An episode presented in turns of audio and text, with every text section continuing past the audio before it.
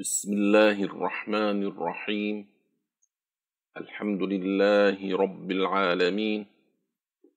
والصلاة والسلام على سيد المرسلين سيدنا محمد وعلى آله وصحبه الطيبين الطاهرين. اللهم لا سهل إلا ما جعلته سهلا. وأنت تجعل الحزن إذا شئت سهلا. سبحانك لا علم لنا إلا ما علمتنا إنك أنت العليم الحكيم. اللهم علمنا ما ينفعنا وانفعنا بما علمتنا وزدنا علما. I start with the name of Allah. I ask Allah, I praise Allah and thank Him for all the blessings that He endowed upon us without Allah being obligated to give anything. I ask Allah to raise the rank of Prophet Muhammad and to protect his nation, his Muslim followers from whatever he feared for them. We ask Allah subhanahu wa ta'ala to grant us the pure intentions of attending a religious lesson. This is the fourth lesson. We had gone before about the importance of studying the seerah of Prophet Muhammad sallallahu alaihi wasallam per se and we mentioned that Allah sent many prophets. All came with Islam. Adam was the first, and Muhammad was the last. We mentioned that Lady Hajar or Hagar was the mother of Ismail or Ishmael. Although she was a slave of Ibrahim, Abraham, Ismail was a legitimate son of both Ibrahim and Hajar. Inshallah, we finished the preludes, and today, with the help of Allah, we will be starting chapter 1 on page 25 the authors, may Allah have mercy on them, said, chapter 1, the ancestry of Prophet Muhammad sallallahu alayhi wasallam. Ishmael's second wife was Lady Ra'lah, the daughter of Mudad from the tribe of Jurhum. So, this wife second wife of Ismail, was named Ra'lah according to some scholars, and to others, what she was called as Sayyida, which means lady, as is mentioned in footnote 1 that the scholars of genealogy differ about her name. Some say it was as Sayyida, lady, and others say Ra'lah with the Ain, Ra'lah. And this is the second wife of Prophet Ismail because he had a wife before her. And there is the story of Prophet Ibrahim visiting Prophet Ismail after he got married to check on him and his family. And one time he did not find Ismail. He asked his wife about him. She said he went out to, you know, seek rizq for us. And then he, Ibrahim inquired, asked the wife about their livelihood, how are they doing? And she said, We are in a tight situation, our life is miserable. She started complaining about her life with Ismail. So Ibrahim alayhi salam said to his to this wife of Ismail, When your husband comes, convey my salam to him and tell him to change his doorstep, atabat al-bab. tell him to change this, his store, his doorstep. When Ismail came as if he smelled or, you know, felt something happy in his heart, he said, Did you, to his wife, did anybody come and visit us?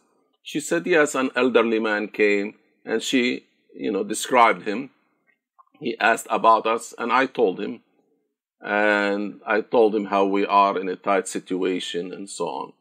Then Ismail asked his wife, Did he uh, recommend something? Did he tell you to something for me? She said, Yes. He ordered me to convey the salam and he tells you to change your doorstep. And Ismail alayhi salam said, That was my father, and he has ordered me to depart from you, to divorce you. So go to your family, and he divorced her. And then he married another one. And then when Ibrahim came and visited again, the second wife started as saying that they are living nicely, that Allah subhanahu wa ta'ala has blessed them with a lot of things. And he asked her, What do you eat? She said, Meat. What do you drink? She said, Water. And then Ibrahim alayhi salam said, Allahumma barik lahum fil lahmi wal ma. So he said, Oh Allah, bless for them meat and water.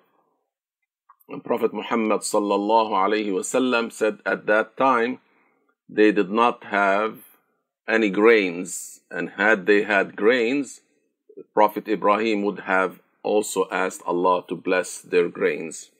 And that's why meat and water is very abundant among the people of Mecca because of the dua of Ibrahim. So Ibrahim told this second wife, if your husband, when your husband comes, say my salam to him and tell him to keep his doorstep. Tell him to keep his doorstep. And when Ismail came, asked if someone came and visited, she said yes, a, an elderly man with good looking. And she started praising, you know, Ibrahim alayhi salam, taban without knowing that he was her husband's father. And he asked me about you, and I told him that we are living well and so on. Did he say anything to you? She said yes. He says you his salam, and he orders you to keep your doorstep. And he said, That was my father, and you are the doorstep. He, ordered me to keep you. And then Prophet Ibrahim, of course, was visiting them periodically. So this wife Lady Ra'la, uh, the second wife, she delivered 12 male children for Ismail alayhi salam. The eldest was Nabit and Qaidar, and from them, these two in particular, God made a group of Arabs multiply. The Arabs are of two branches. The authors said the Arabs are of two branches. The first is the original Arabs or Al-Arab al-Ariba of Yemen. The second is the branch of Arabs who are offspring of Prophet Ismail Ishmael alayhi salam. These they are known as Al-Musta'riba. Literally this means those who became Arabs. Al-Musta'riba.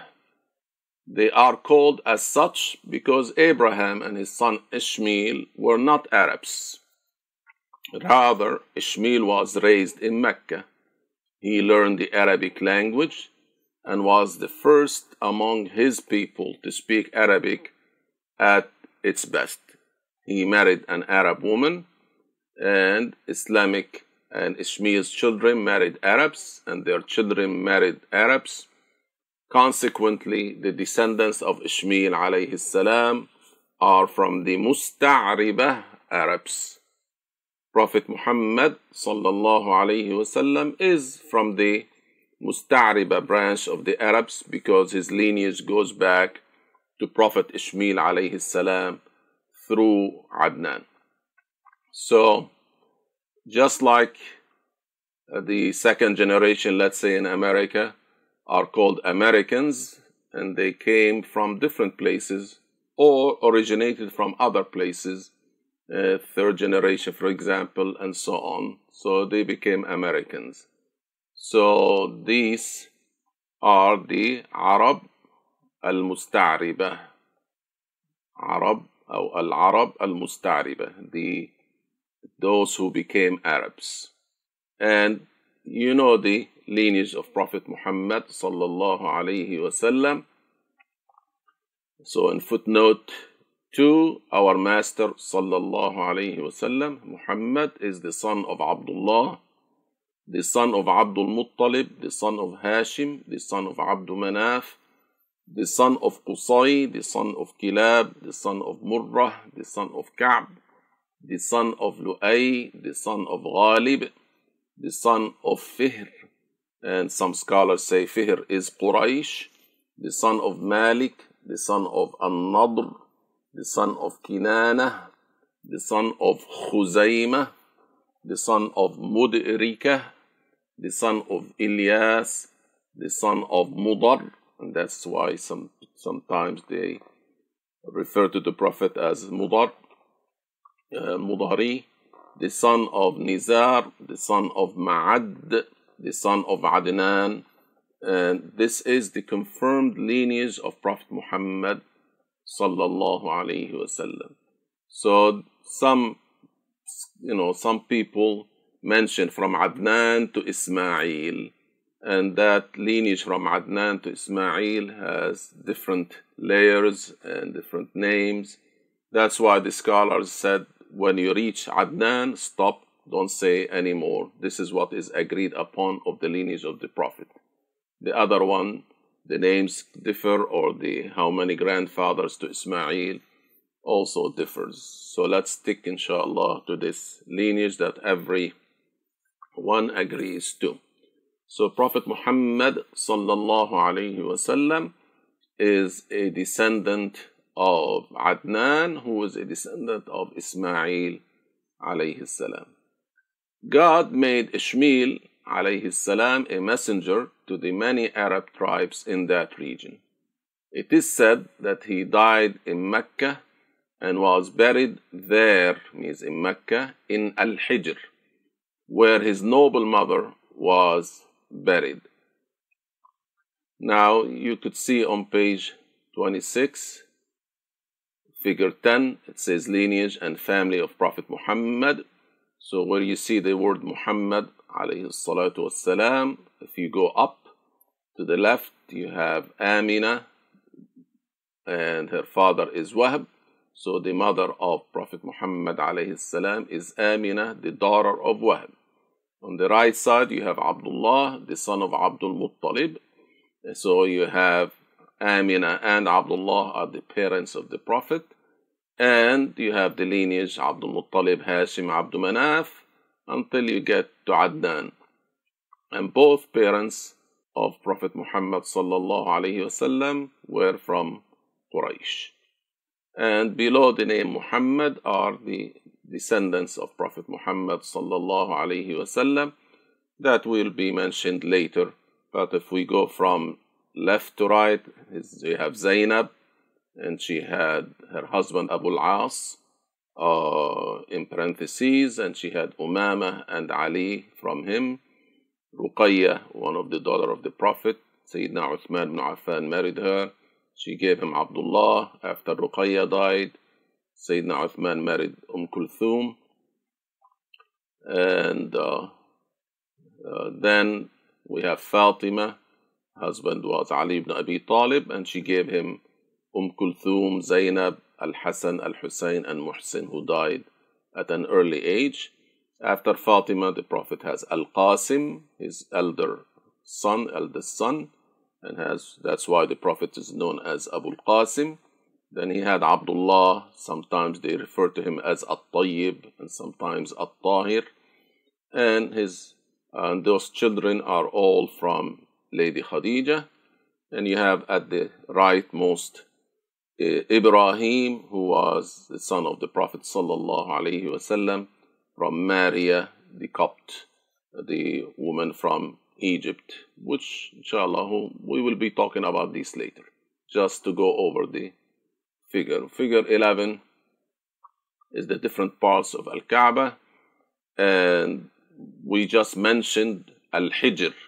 And if you look at number five, that semicircle that seems detached from Al Kaaba is called Hijr Ismail or Al Hatim, and it is narrated that uh, Prophet Ismail and his mother Hajar are buried under it. And uh, inshallah, we will talk about uh, why it is detached from Al Kaaba later. And you have the door of the Kaaba, you have the black stone at the corner.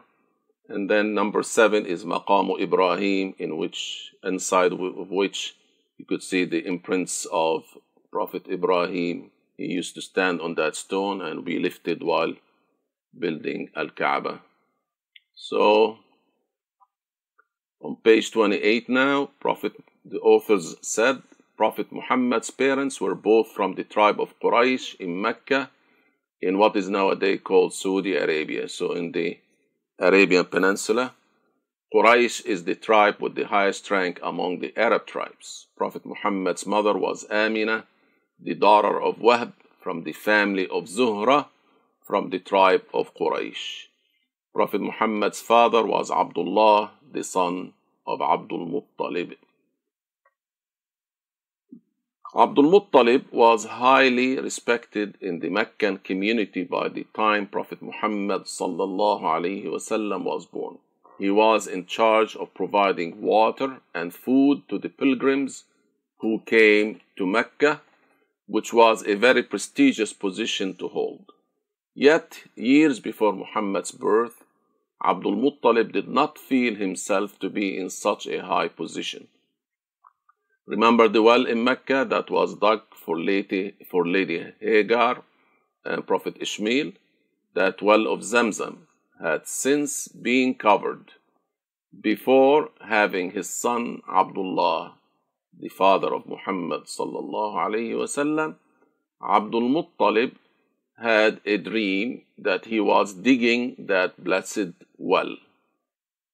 However, the people of Quraysh tried to prevent him from the digging from digging that well. They were jealous because it was an honor or prestige to dig up the well, so they did not want him to get that honor. So they were, you know, resisting his project. However, the people of Quraysh tried to prevent him from digging that well. Abdul Muttalib felt weak in the tribe because he had only one son, his eldest son Al Harith he felt that if he had many sons, people would not treat him badly. You know, even nowadays, I mean, this was a big deal. Like if a, man had a lot of sons, means he will have grands, also children. Then it will be a whole tribe, and then he, this tribe will be a strong tribe. And those boys, especially the sons, would be fighters, and they would defend the tribe and they would, you know, if they are farmers, for example, they would work in farming. So they will be a good uh, strength for the family. So the more sons a man had, the more powerful and respected was he among his own people. So the, this is, was this was the case among the Arabs and other than Arabs. So he means Abdul Muttalib, made a vow, never, that if God gave him ten sons, he would sacrifice the last of these ten at the Kaaba. So, at the time of Abdul Muttalib, they were still practicing the slaughtering of their children as offerings to their idols. They were idol worshippers, and among the uh, religious rites or practices were to have offerings to their to their idols. So sometimes they offer animals, chicken, goats, etc., and some they offer humans. So normally that's what idol worshippers do. I mean, even nowadays they may they would do it, and if it has to do with humans, they may do it secretly. So it is narrated in some history books, books that Egyptians used to throw young women dressed up in clothes and jewelry in the Nile River to prevent its flooding. Sometimes they would, they used to, these Egyptians, uh, would choose a nice, you know, looking woman, uh, virgin, and they put best clothes on her and best jewelry, and then they throw her into the Nile River. They because they worshipped different creations, and hoping that by doing so they would please whatever they uh, worshipped, and the river would not flood their land, or if it was low in level, it would go up so that they can irrigate their land.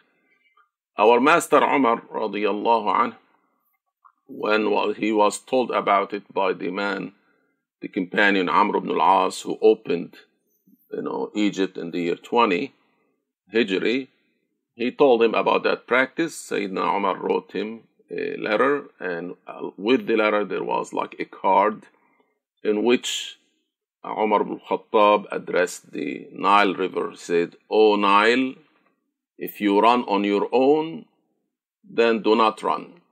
But if you are running by the will of Allah, upon the order of Allah, then we ask Allah to order you to run.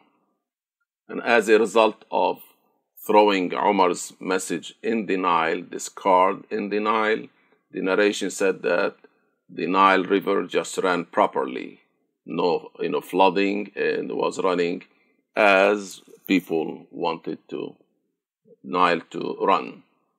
So the habit of throwing women stopped from that time. Now we need to point out that this vow that Abdul Muttalib made Islamically, as in footnote 1, such a vow is sinful and one is prohibited to fulfill it. Religiously, if someone makes a vow that is sinful, then the vow will not be executed, will not be carried out. It is haram to do such a vow, and it is invalid and must not be carried out. The authors said God did give Abdul Muttalib ten sons. So Abdul Muttalib got married to uh, several women, and from those several women, ten sons came, plus, of course, daughters. The tenth son was Abdullah, who would become the father of Prophet Muhammad. Abdul Muttalib especially loved this tenth son. However, Abdul Muttalib wanted to keep his vow. He prepared to slaughter Abdullah. At that, the people of Quraysh told Abdul Muttalib, If you slaughter your son, then other people will imitate you in this and start to slaughter their sons for the same reason. We see this as a bad thing. Hence, Abdul Muttalib went to a person for advice. At that time, they would go to a person who claims to be, you know, a, a you know religious advisor and so on. This person said, "Put up put up ten camels to slaughter versus your son. So you have ten camels, and you have on the other side slaughtering Abdullah. So instead of slaughtering Abdullah, you slaughter ten camels. So then he told him, Draw and see if the arrows say to slaughter the camels or your son. So they had a practice, the Arabs, before that they would have some straws, and on the straws they write do or don't do. And then they have arrows that nothing is written on them. And they put them in, in a container and then they draw. And they look at the arrow. If it says do it, then they do whatever they wanted, you know, we're asking about. If it says don't do it, then they don't do whatever they were asking about. If the arrow that came out has no writing on it, then they make another drawing until one of the do or the don't do arrow come out. And of course, sometimes they cheat. And if they want to do it and it comes, don't do it, then they do it again. We do not do such drawings. However, certain drawing is allowed. Like if a man was married to more than one wife and wanted to travel, he puts the names in a container and draws to know who will among his wives will travel with him. So if they say your son, he said, this man, so draw and see if the arrows say the arrows say to slaughter the camels or your son. If they say your son, add another 10 camels and draw. So you could see just trying to bypass what they don't like to happen. So they make another drawing. Keep on adding 10 camels and drawing until the arrows say to slaughter the camels. So just, just, you know, fudging, as they say, the results. This is what they did each time he drew to slaughter his son. The arrows did not say the camels, I mean, until 100 camels were put up. So they kept on drawing, drawing, drawing until the Arabs say the camels should be uh, slaughtered instead, slaughtered instead of Abdullah. As a result, Abdul Muttalib slaughtered 100 camels instead of his son Abdullah, the future father of our Prophet sallallahu alaihi wasallam. And of course, 100 camels, that's a lot of money. That's a lot of property to have 100 camels instead of his son. That's because he loved his son a lot. And of course, they resorted to such a procedure to avoid having him slaughtered. Abdul Muttalib kept his ten sons and did re excavate the well of Zamzam as he had dreamt. Now he had ten sons. He has, you know, strength among the community, so he could carry out his dream of excavating, of bringing back the well into operation. Instead of being slaughtered as a baby, Abdullah grew to be one of the most handsome men. One day, Abdullah was walking with his father and passed by a woman from a tribe called Asad, a big Arab tribe. The woman called out to Abdullah, Where are you going, O Abdullah? He said, To a place with my father. She said, I would give you as many camels as were slaughtered in your place if you would have sexual intercourse with me right now. Abdullah told her, I'm busy. Then he said a piece of poetry that means, meaning, I prefer to die than to do such an abhorrent thing, means zina. You did not mention our getting married. So how would I do what you asked? Alhamdulillah. So, father of the Prophet, Abdullah, did not commit zina. Later the same day, Abdullah married Amina, with Amina moving into Abdullah's house that night. That's in Al Madinah. The next day, after consummating the marriage, Abdullah again passed by the same woman of Asad. On this day, the woman did not say anything to him.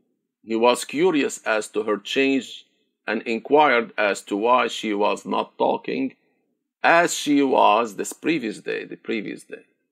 She replied to him, Yesterday I saw a light in your face. I don't see it today. So after consummating his marriage with Amina, this woman said that you had a glow on your face the day before. Now I don't see that glow. Abdullah traveled to trade in Medina, where his maternal uncles resided. Remember Amina, the daughter of Wahab? She grew up in her uncle's uh, house, Wahib, and those are within the branch of the tribe of Quraysh. So these people in Medina are his the Prophet's maternal uncles. He became sick, his father Abdullah became sick in Medina and died therein at the young age of 25. The authors said, chapter 2, the birth of Prophet Muhammad sallallahu alaihi wasallam. Remember that we mentioned that from Ismail, who grew up among Arabs, spoke their language at best, and married from them came the Arabs known as Al Arabul Musta'riba, those who became Arabs. And from those, those Arab Al Musta'riba came Prophet Muhammad sallallahu alaihi wasallam. He descended.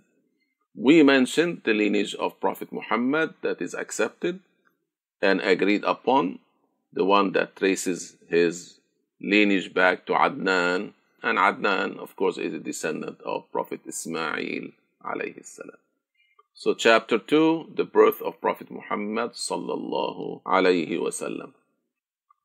Prophet Muhammad was born in Mecca in the year when the Abyssinian or Ethiopian Abraha, Abraha tried to destroy the Kaaba.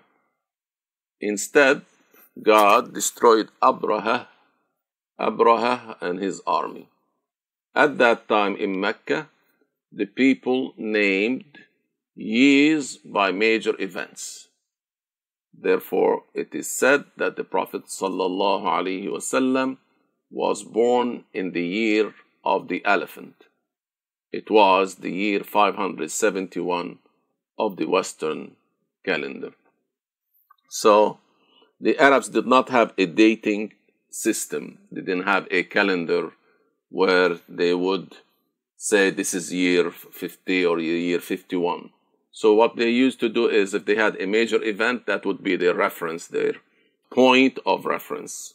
So because there came this Ethiopian Abraha from Al Yemen or Al Habasha and came to destroy Al Kaaba, and he had an elephant spearing the army. Then that year it was called the year of elephant, and it became a reference. They would say, okay, two days from the elephant year, or five years from the year of the elephant. So it became their uh, reference. And people say that this was the year 571 of the Western calendar. The Western calendar means the Roman calendar, they had Gregorian or Julian calendar, and they usually make it, uh, they claim it's from the birth of Prophet Jesus. And you know that they have two calendars that say different dates for the birth of Jesus alayhi salatu wassalam. For us, later became the days of Umar radiallahu anh, the dating the Muslim dating or the Hijri dating started. The year of the Hijrah of the Prophet became year number one.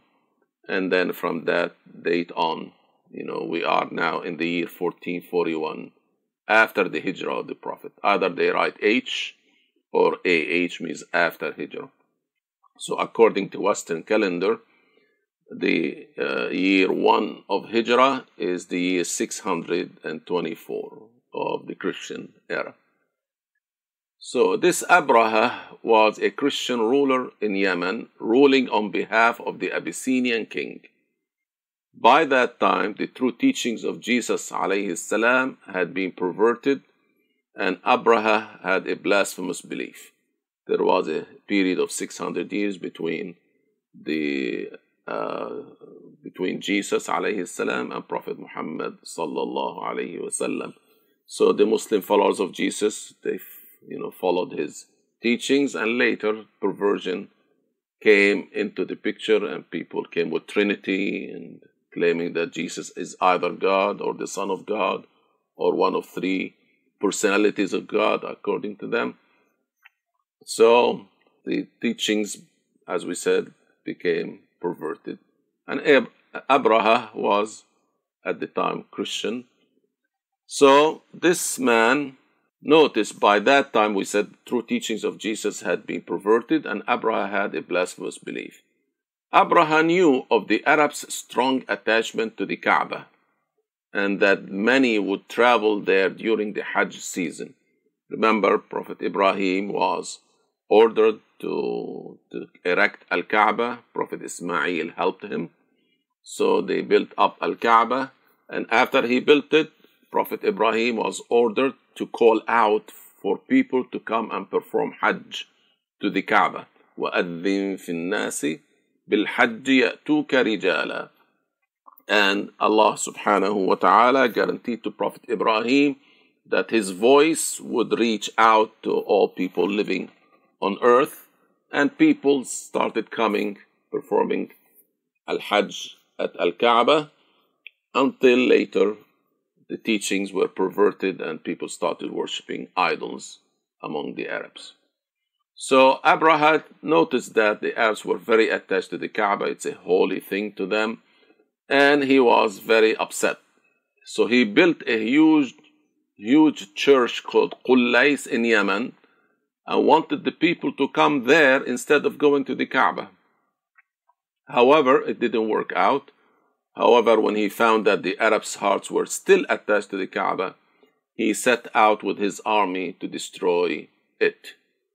With the army, they brought elephants, and one was a very big elephant, like the major, the leader elephant, that would lead the others.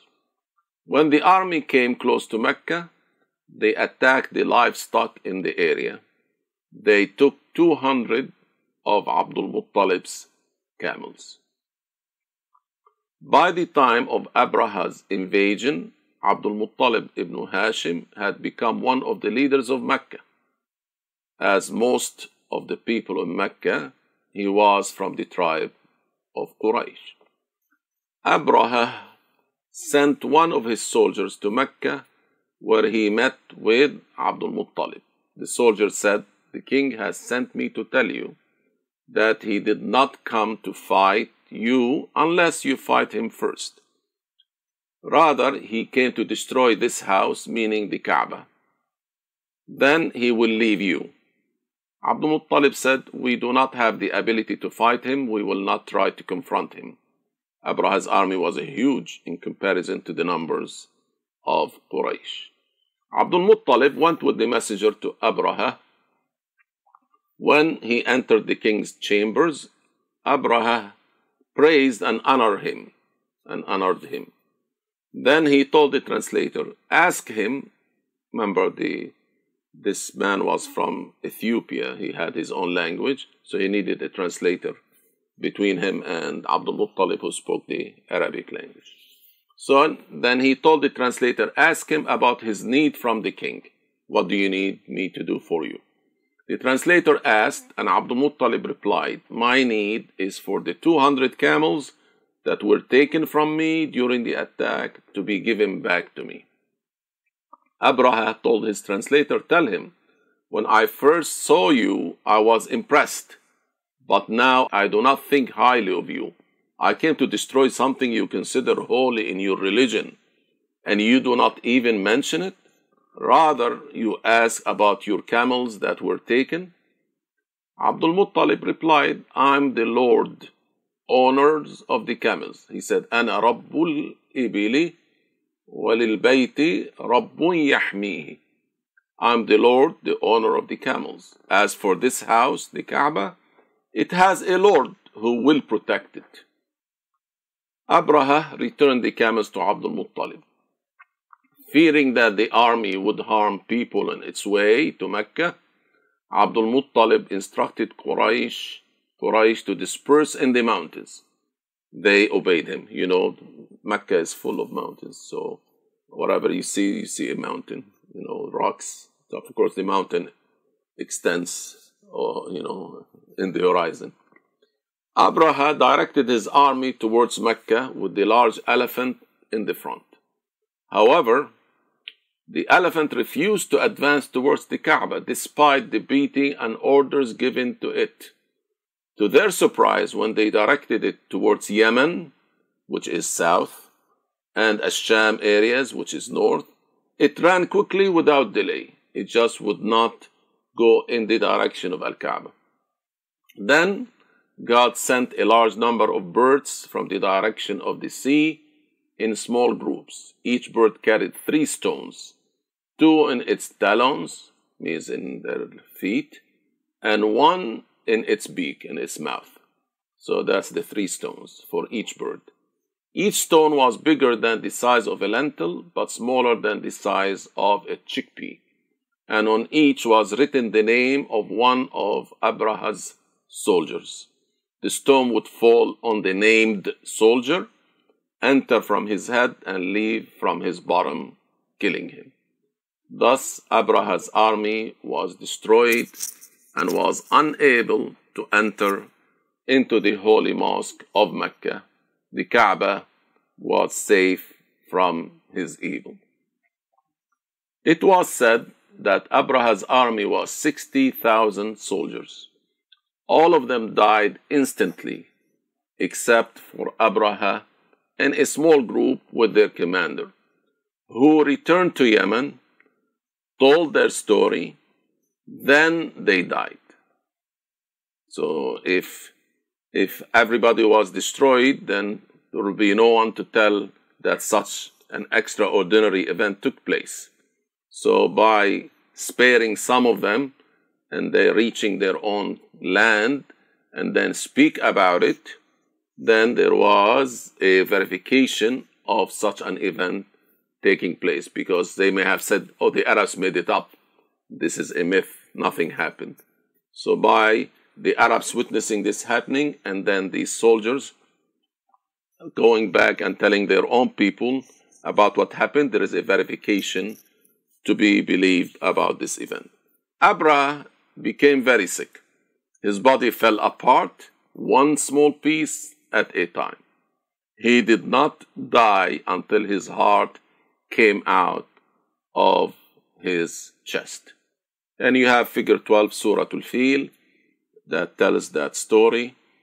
بسم الله الرحمن الرحيم ألم تر كيف فعل ربك بأصحاب الفيل ألم يجعل كيدهم في تضليل وأرسل عليهم طيرا أبابيل ترميهم بحجارة من سجيل فجعلهم كعصف مأكول.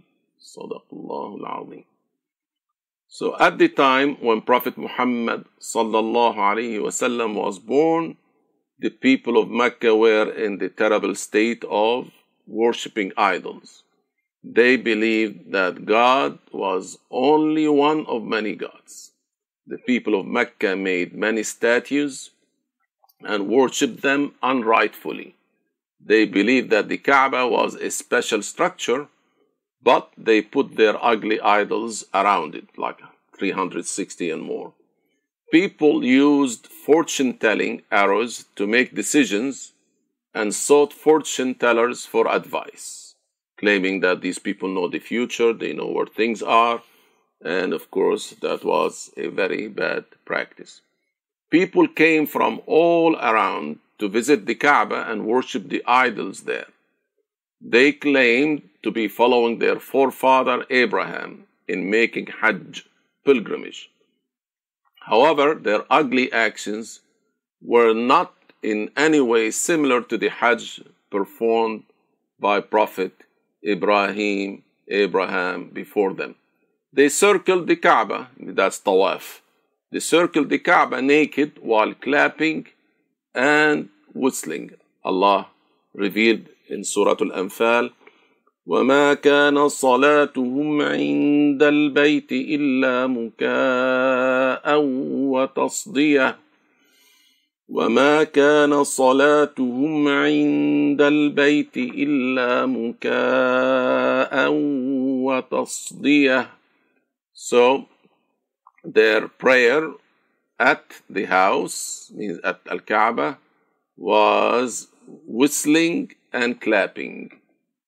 So they circled the Kaaba naked while clapping and whistling. If we want to agree with the ayah, just say while whistling and clapping. The Meccans got wealthy from the money spent by the tribes who came to their city to worship unrightfully. Means all these people coming to perform Hajj, they need to eat, they need to drink, they need a place to stay, so they shop. So the people of Mecca would, you know, get wealthy, get money from selling, from receiving all these people, just like nowadays and has been since then. The uh, people of Mecca benefit from people coming for uh, visit or Hajj to Mecca. But as we said, Prophet Ibrahim, when he called people out to Hajj, and the way the Hajj was made at the time was not of worshipping idols, it was of worshipping Allah subhanahu wa ta'ala. So, inshallah, we will continue next time. والله سبحانه وتعالى أعلم لا إله إلا الله اللهم صل على سيدنا محمد وعلى آله وصحبه وسلم.